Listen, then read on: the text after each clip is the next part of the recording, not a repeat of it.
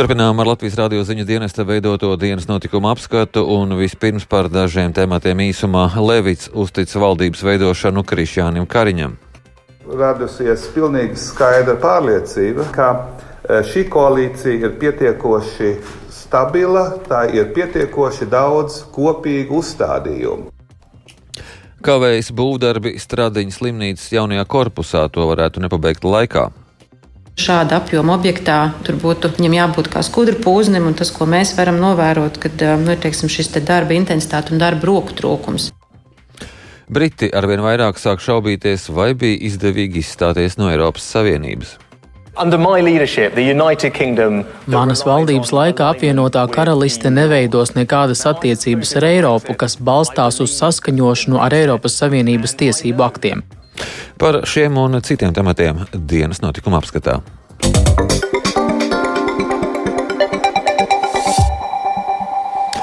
Valsts prezidents Agils Levits oficiāli aicinājis Krišjāni Kariņu no jaunās vienotības veidot nākamo valdību. Kariņš ir pārliecināts, ka dažu nedēļu laikā spēs piedāvāt pilnu valdības sastāvu balsošanai saimā. Vairāk Jāņa Kīņša veidotajā ierakstā.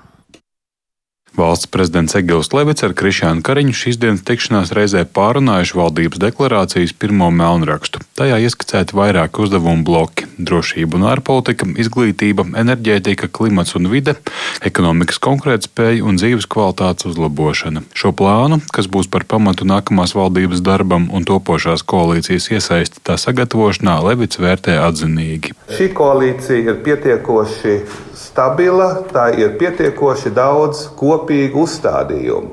Ir tādi uzstādījumi, ko šī koalīcija īstenos nākamajos četros gados, kas varētu gan ekonomiskā jomā, gan sociālā jomā nest mūsu sabiedrībai nopietnus uzlabojumus, ja tie tiks arī izpildīti. Līdztekus valdības deklarācijas izveidošanai Kariņa vadībā izraudzīs nākamos ministru kandidātus politiskajiem spēkiem deleģētajās atbildības jomās. Topošās valdības galvenos uzdevumus vēlreiz ieskicēja premjera amatam nominētais Krišjāns Kariņš. Jāstrādā vairākās jomās vienlaikus. Tātad mums ir drošības joma, izglītības, enerģētikas, konkurētspējas un dzīves kvalitāte kopā ar vienu virsmērķi - panākt šo ekonomikas transformāciju. Panākt to, ka uzņēmumi, kuri eksportē augstas pievienotās vērtības preces un pakalpojumus, nav izņēmums, bet tā jau ir norma. Aizvien vēl nav pabeigtas sarunas par koalīcijas partneru solidāru atbildību sarežģītākajās nozarēs un iespējamo ministru biedru amatu izveidošanu, par ko daudz runājuši apvienotā saraksta pārstāvji. Ir vienošanās par ministra vietnieku amatu aizsardzības jomām, taču var saskaitīt pat līdz sešu šādu jaunu amatu idejas, tā skaitā digitalizācijas un demogrāfijas jautājumos. Jaunā vienotība šīs ambīcijas gan mudinājusi ierobežot līdz trīs iespējamiem ministru vietnieku amatiem. Neskatoties uz viedokļu atšķirībām, Kariņš ir optimists optimistisks par valdības izveidošanu un kopīgu darbu. Sākam sasēsties visi laivā un esam visi vienā virzienā pagriezušies, un mēs tagad sākam vilkt un neiet visu vēl pilnīgi vienā ritmā, bet aiz ar katru, kas saka, vēzienu tuvāk un tuvāk tam. Levits piebilda, ka valdības deklarācijas projekts ir jāpapildina, piemēram, vajadzīga detalizētāka izglītības un zinātnes sadaļa. Deklarācijas projekta pieslīpēšanu uzsver arī apvienotā saraksta pārstāvis Edgars Tavars pārunāsim par šīm deklarācijām, lai tēmas nedublējās, lai nav pretrunīgas, lai kas ir nu, visus jāmēģina skatīt arī caur šo fiskālo prizmu caur attīstības iespējām, par šo politisko uzstādījumu atbildības jomām. Un tā, nu, virzamies uz priekšu. Nu, ja viss ir optimāli, tad decembra vidū ir valdība. Vienlaikus Krišjāns Kariņš tomēr vēl atturas publiski nosaukt konkrētu termiņu, kad jaunā valdība sāks darbu. Jānis Kincis, Latvijas Radio.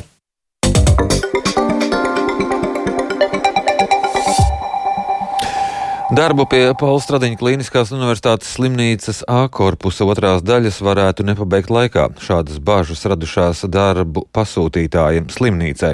Tā novērojusi, ka aizdītos mēnešos un arī kopumā izlietota viena trešdaļa no plānotās summas, taču darbi jābeidz jau nākamajā pavasarī. Būvnieks gan paredz, ka projekts kļūs dārgāks un pavasarī darbi vēl turpināsies, bet sola, ka līdz nākamā gada beigām viss būs pabeigts. Vairāk Kristapa Feldmana ierakstā. 2020. gada jūlijā par Paula Stradiņa Kliniskās Universitātes slimnīcas A korpusa otrās kārtas būvniekiem izraudzīja būvkompāniju Vēlve. Vēlve solīja darbus veikt par teju 88,4 miljoniem eiro, neiekļaujot PVN, un visus darbus pie ēkas būvniecības pabeigt 30 mēnešu laikā. Paula Stradiņa Kliniskās Universitātes slimnīcas valdes locekle Agara Ločmela gan skaidro, ka jau augustā ar būvnieku noslēgta papildu vienošanās pagarinot darbu izpildes termiņu līdz 2023. gada 31. maijam. Taču arī šobrīd pastāv bažas, ka darbus laikā neizdosies pabeigt. Kopējā līguma summa ar Vēlvi, kas mums ir noslēgta, ir 106 miljoni miljoni, ieskaitot PVN. Un esošā finanšu apguve ir 37 miljoni, jeb 35% no kopējās līguma summas. Un, nu, teiksim, ja skatāmies pret pēdējo septembra izpildi, tad tā bija tikai 31% apmērā pret plānu. Tā, tas tāds viens cipars. Nu, mēs tagad šonadēļ gaidām oktobru, bet nu, indikatīvi tas būs nu, plus mīnus tāds pats līmenis kā septembrī. Attiecīgi, nu, šīs ir tās indikācijas, no kā mēs secinām par šo darba tempu kritumu. Ločmila skaidro, ka problēmas ar darba tempiem sākušās šajā vasarā. Tad arī sāka kavēties finansējuma apguve, bet ne tikai tas. Nākamais ir nu, šāda apjoma objektā. Tur būtu jābūt kā skudra pūznim, un tas, ko mēs varam novērot, kad nu, teiksim, šis te darba intensitāte un darba roku trūkums. Konkrēti, piemēram, pagājušā nedēļa objektā bija ap 100 darbinieku, nu, tomēr no tā būvdarba apjoma tam vajadzētu būt 200 līdz 300 darbinieku. Nu, Trešais, ko mēs redzam, jā, ir varbūt nu, teiksim, šī te darba organizācija. Redzam, ka ir jau mums ziema, ir jau sniegs, tomēr nu, nav vēl pilnībā pabeigta ērkas kārkas nosekšana un jumta un fasādes izbūve, lai varētu turpināt aktīvi iet būvnieks uz priekšu ar iekšdarbiem. Būvkompānijas Vēlve valdes priekšsādātāja Vineta Verika apstiprina, būvniecība ir iekavējusies. Arī 88,4 miljonos kara izraisītās krīzes dēļ iekļauties nevarēs, un viņa paredz, ka projekta izmaksas varētu augt par apmēram 15%. Un arī vasarā noslēgtā vienošanās par termiņu 31. maijā visticamāk nebūs izpildāma, tādēļ paredzams, ka būvnieks lūgs tā pagarinājumu. Kavēšanās gan nozīmē, ka var tikt zaudēta neapgūtā Eiropas projekta nauda, jo visi darbi, kas notiks pēc 2023. gada 31. decembra, būs jāveic par slimnīcas vai būvnieka līdzekļiem. Vēlves valdes priekšsādātāja Vineta Verika gan ir pārliecināta, ka darbus izdosies beigt ātrāk nākamā gada otrajā pusē esam tādu pirmo posmu izdarījuši un vienojušies par indeksācijas principu. Pašlaik mēs strādājam pie šī indeksācijas kopsavilkuma un arī par termiņu pārskatīšanas principu un daļai jau tas ir pārskatīts. Pilnīgi noteikti tas termiņš tiks grozīts, pašlaik tiek apkopot un lai varētu vienoties par šo galu termiņu. Domāju, ko noteikti var teikt, mēs runājam par 23. gadu, nerunājam par kādu citu gadu, 24. vai vēl kaut kādu. Stradiņas slimnīcas valdes locekle Agra Ločmela uzsver arī, ja projekts kavē kavēsies, visi pakalpojumi tiks nodrošināti tāpat, tikai vecajās, nemodernās, vājāk aprīkotās un mazākās telpās. Tādēļ slimnīca ir ļoti ieinteresēta, lai jaunākie iespējami drīz sāktu darbu. Kristaps Feldmanis, Latvijas radio. Straujā energocenu kāpuma laikā šogad pirmajā pusgadā būtiski pieauga nebanku kreditētāju izsniegtie aizdevumi. Tie palielinājušies par piekdaļu. Patērētāja tiesība aizsardzības centrs pieļauj, ka augsto apkurs rēķinu dēļ kopējais gada aizdevums var pārsniegt iepriekšējo gadu rādītājus. Ko cilvēkiem dzīves dārdzības laikā ieteicams darīt un ko par tā saucamajiem ātriem kredītiem saka ielās sastaptie cilvēki, vairāk Viktora Demīdo vietā ierakstā. Nebanku kreditētāji piedāvā naudas aizdevumus dažādām dzīves situācijām. Visu var izdarīt ātri un vienkārši, taču jārēķinās, ka par veikli iegūto naudu sagaidāmas lielas procentu likmes. Tagadējās dzīves dārdzības dēļ daudziem cilvēkiem briest jauna krīze. No Rīgas ielās uzrunātiem cilvēkiem savā dzīvē pie ātrās naudas esot ķēries tikai retais. No vīlas es ņēmu tā kā no firmas, tu 500 eiro ņēmu savā laikā. Tad tu radot katru mēnesi. Nu. Tā es eju atdevu. Nu. Kādam nolūkam jūs ņēmāt? Nu, es strādāju ceļbūvē, nu, man vajadzēja, es kompjutoru gribēju nopirkt. Vai jūs apsverat vēl ņemt tādu kredītu? Nē, nē, nav. Tagad, tagad jau ir tāda laika, ka tā, ar tiem darbiem ir savādāk mums, mūsu laikos, ir ceļš Latvijā. Nebija nepieciešamības, es neesmu pētījis, bet es domāju, ka ja tiešām nav vajadzīga nauda, tad vajadzīgi, vajadzētu paņemt. Ja. Nē, nē, es esmu pensionāre, un ja kaut kas atgadīsies, kas tad būs? Bet, ja cilvēks ir pārliecināts, uzaicināts jauns, tad kredītu var ņemt, bet vecumā uz ko tu ceri? Mums ir uh, viens pazīstamais, kas uh, nokļuva parādu jūgā un vienkārši viņam visu dzīve sabruka, ģimene izjuka un sagrābās kredītus un visu atņēma. Burtiski man tas nav vajadzīgs pārāk laba pieredze. Liels viņam bija parāds, vai lielu viņš aizņēma? Sākās ar maziem parādiem, pa 50 eiro, pa 50, un tagad es zinu, cik viņam, man liekas, pēdējo reizi, kad es ar viņu runāju, bija jau 25 tūkstoši. Pa sīkumiem galvenais tas viss bija, nu, pieņemsim leduskapi tur un skaidrā uzreiz, lai nebūtu tas maksājumais kredīts. Nē, labāk ir sakrāt un tālāk no šī grēka. Šī gada sākumā vidēji mēnesī noformēto aizdevumu apjoms bija līdzīgs iepriekšējiem gadu mēnešiem - līdz 45 miljoniem eiro. Maijā un jūnijā pieprasījums pieauga līdz rekorda augstam rādītājam, sasniedzot pat 60 miljonus eiro. Patērētāja tiesība aizsardzības centrā pieļauj, ka dzīves dārdzības dēļ pieprasījums varētu vēl pieaugt, gada laikā pārsniedzot 600 miljonus eiro. Kāpumu sagaida arī nebanku kreditētājs For Finance. Tā reģionālais vadītājs vadītājs Gvido Endlers rakstiski atbild, ka Latvijas tauta neveic lielus uzkrājumus, tāpēc cilvēkiem var būt nepieciešamība pēc naudas sadzīves izdevumiem. Viņa atbildi ierunā mans kolēģis. Inflācija pēc būtības padara kreditēšanas pakalpojumus dārgākus, līdz ar to arī mazāk pieejamus. Kredītu pieteikumu apjoms var augt, bet tas nenozīmē, ka kredītdevēji būs gatavi apmierināt šo augošo pieprasījumu, jo viss saduras pret maksātspējas vērtēšanu. Ja kreditētāji redzēs, ka cilvēks objektīvi nevar atļauties prasītu aizdevumu, viņi būs spiesti kredītu atteikt. Dažkārt īstermiņā tas var palīdzēt, tomēr mēs aicinātu neņemt uh, patēriņa kredītus, komunālo maksājumu vai citu saistību sekšanai, vairāk tomēr mēģināt sabalansēt savu budžetu, lasīt šīs informatīvās mājaslapas, arī mūsu pats mājaslapa, kurā es sniegu daudz padomu. Patērētāja tiesība aizsardzības centra pārstāvis Andis Priedītis norāda, ka šī gada pirmajā pusgadā aizdevumu procentu likmes ir pieaugušas minimāli, un tagad ir 2-3 procentu apmērā, taču tuvākajā nākotnē procentu likmes varētu vēl pieaugt. Vienlaikus viņš atzīst, ka augsto licenču maksas dēļ kreditoru skaits divu gadu laikā laikā ir būtiski samazinājies. 56 vietā tagad ir 39. Viktors Demidovs, Latvijas radio.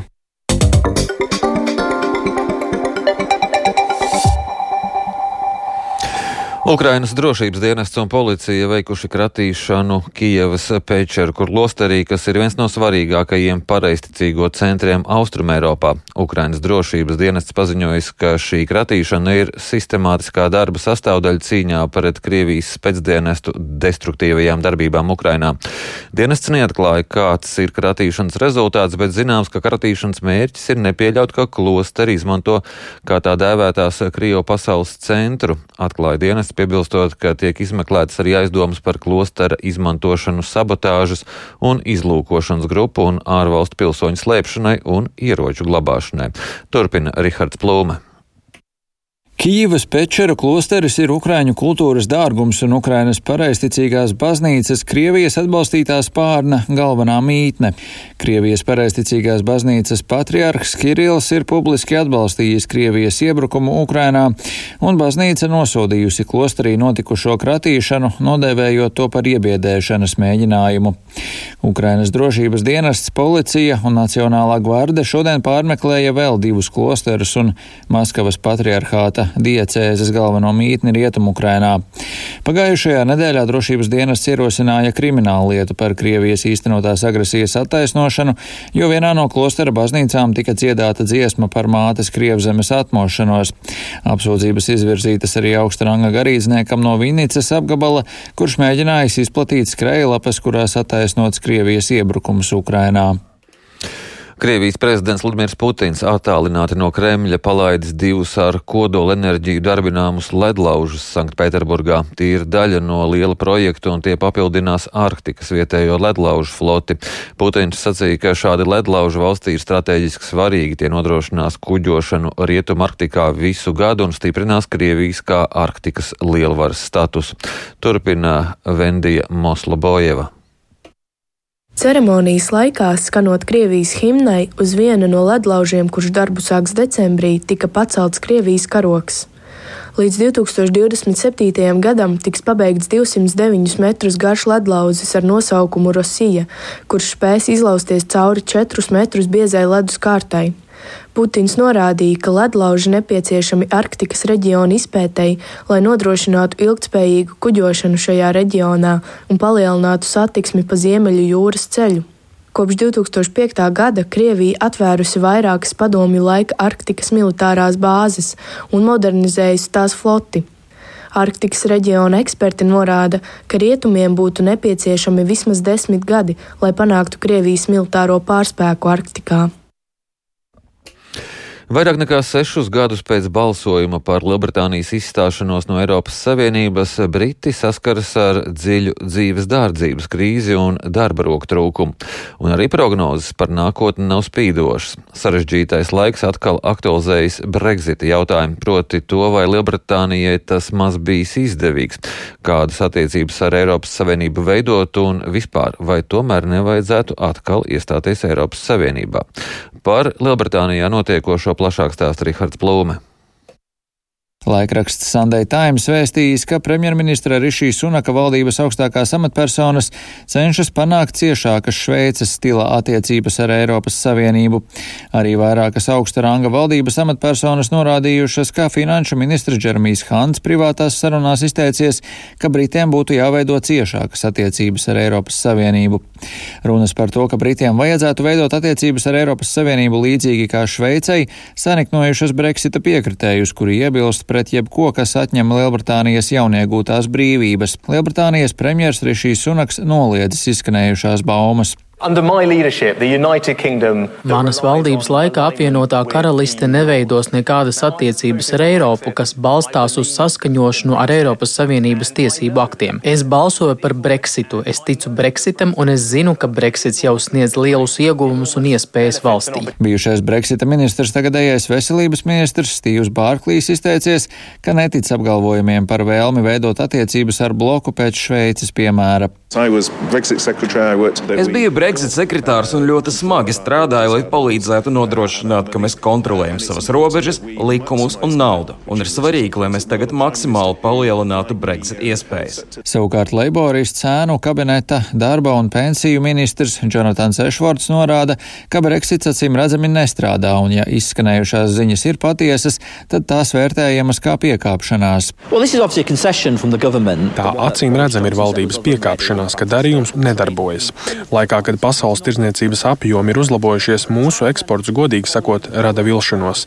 Tāpēc mums ir vajadzīga jauna pieeja, lai panāktu darbojošos Brexit. So, uh, Pārdomas par Brexita jautājumu ir ne tikai politiķu, bet arī sabiedrības vidū kopumā, un šīs domas, jeb precīzāk noskaņojums, liecina, ka arvien vairāk brītu šķietami domā, ka Brexits varbūt nemaz nav tik laba lieta, kā tas šķitis iepriekš.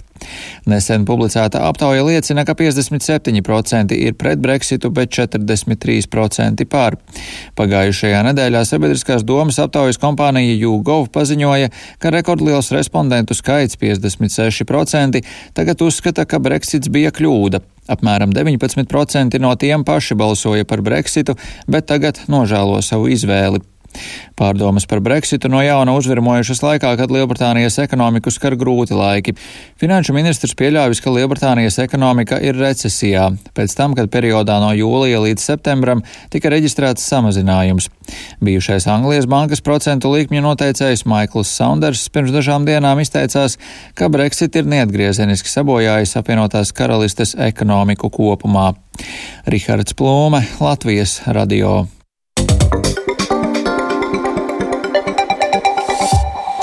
Pasaulē un arī Latvijā pieauga cilvēku tirzniecības upuru skaits. To sekmē digitālā vide, kur vervētāji izliek savus tīklus. Upuri labi ķeras arī iepazīšanās aplikācijās, tāpēc tiesības sarga birojas atgādina, ka jābūt piesardzīgiem.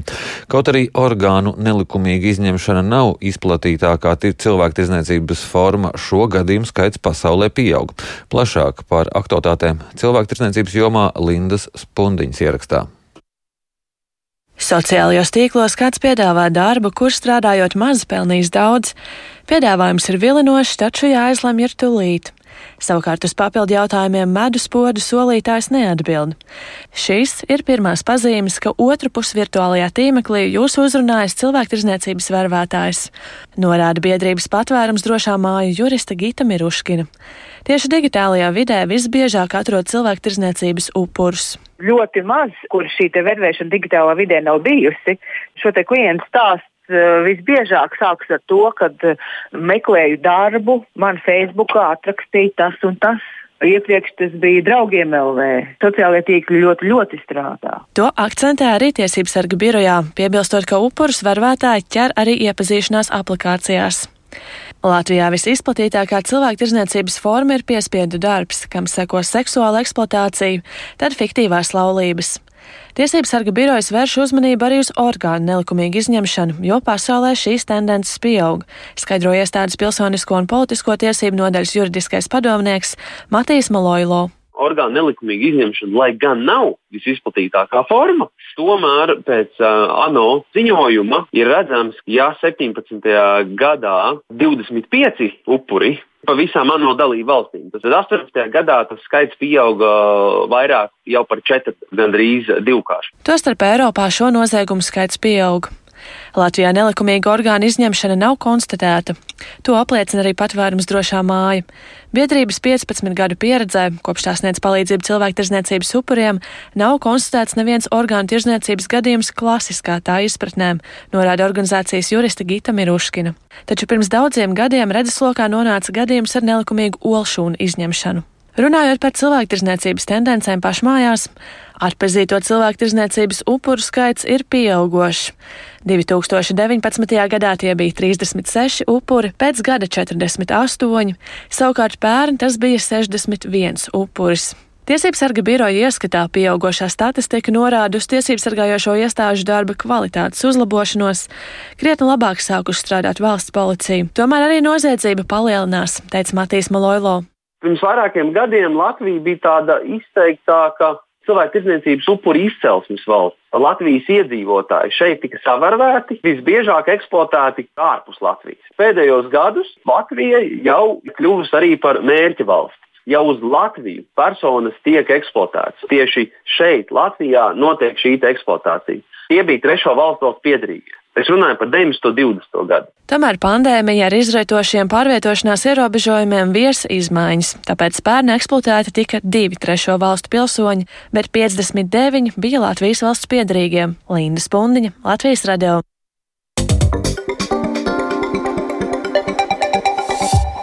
Es visu laiku turpinu dzīvot ar karu, tā teica ukrāņu režisore Sofija Meļņikova, kura kopš pavasara dzīvo Latvijā un piekdienu skatītāju vērtējumam nodos pirmizrādi drāmas karaliene.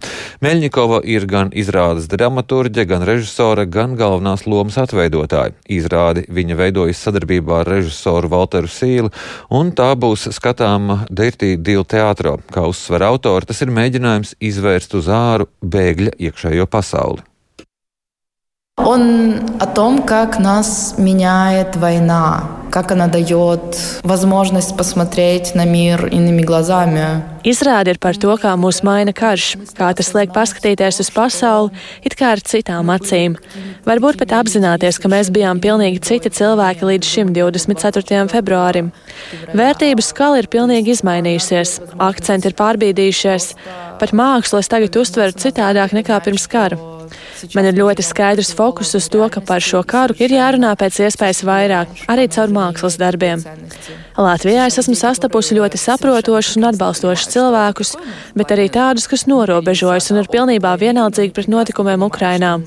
Arī par Latvijā sastaptiem cilvēkiem būs mana izrāde. А есть люди, которые совершенно отстраняются, и в этом спектакле тоже будут такие персонажи, можно так сказать. Dienas notikuma apskats izskan raidījuma producents Viktors Pupiks, ieraksts montēja Kaspars Groskops pie skaņa pults Rīta Karneča studijā Lauris Zvejnieks un vēl tikai par svarīgāko īsumā. Lēvits uztic valdības veidošanu Krišjānim Kariņam. Kavējas būvdarbi Stradiņas slimnīcas jaunajā korpusā to varētu nepabeigt laikā. Briti arvien vairāk sāk šaubīties, vai bija izdevīgi izstāties no Eiropas Savienības. Mūsu ziņām var sekot līdzi arī Latvijas Rādio 1 Facebook lapā un LSM LV raidījumā raidījuma atkārtojums meklējams raidierakstu platformā kā dienas ziņas, un Latvijas radio lietotnē mūs var klausīties savā vietā, runī jebkurā laikā un vietā. Yeah.